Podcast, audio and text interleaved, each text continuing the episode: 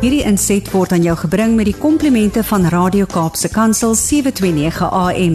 Besoek ons gerus by www.cape pulpit.co.za. Goeiedag vriende.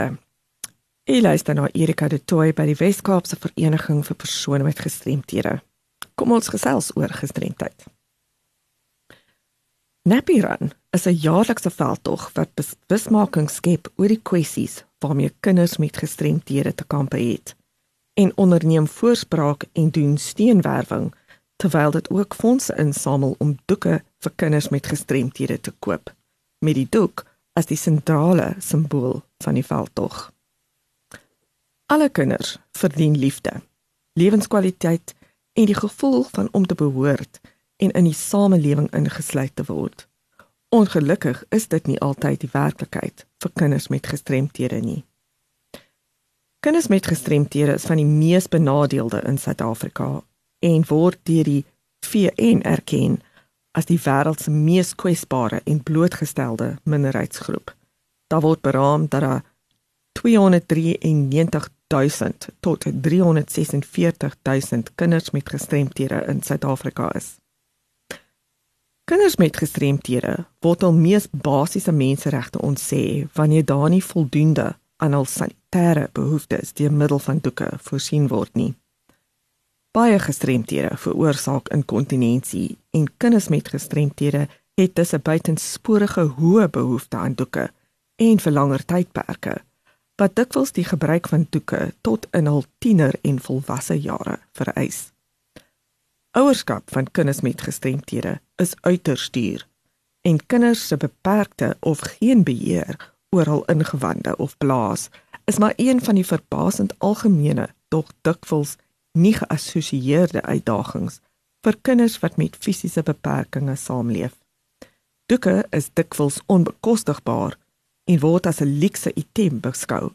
Maar wanneer iets so noodsaaklik soos 'n doek in 'n kind se sorg ontbreek, benadeel dit hul gesondheid, waardigheid, gemak en vryheid en ondermyn dit hul waarde in die samelewing.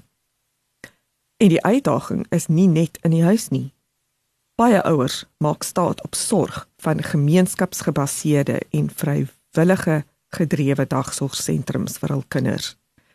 Die instansies het dikwels te min hulpbronne, min befondsing wat met minimale personeel werk en wat nie basiese daaglikse benodighede soos doeke het nie.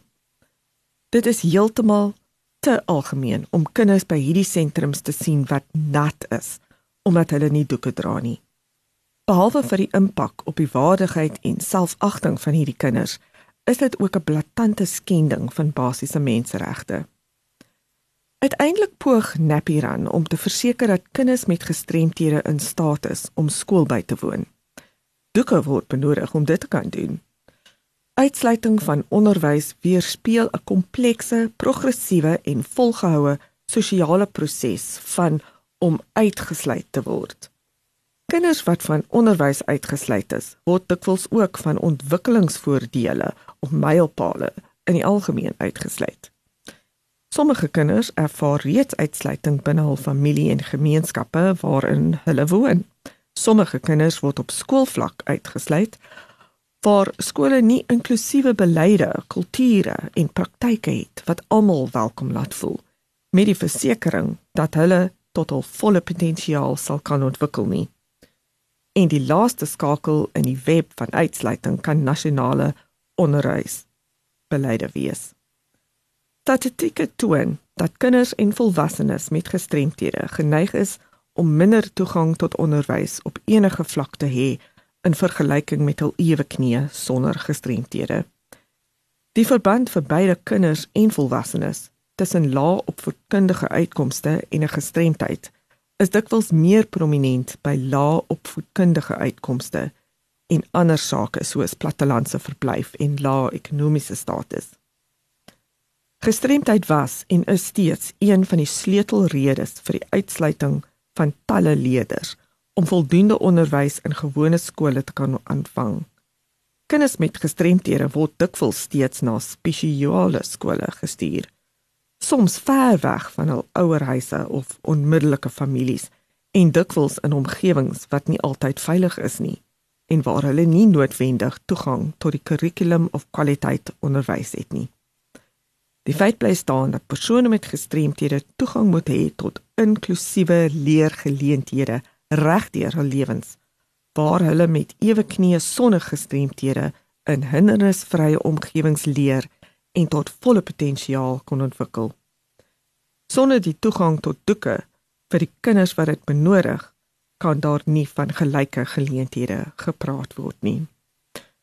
Nappy vind jaarliks in November plaas, so kyk uit in die media vir hierdie jaar se veldtog.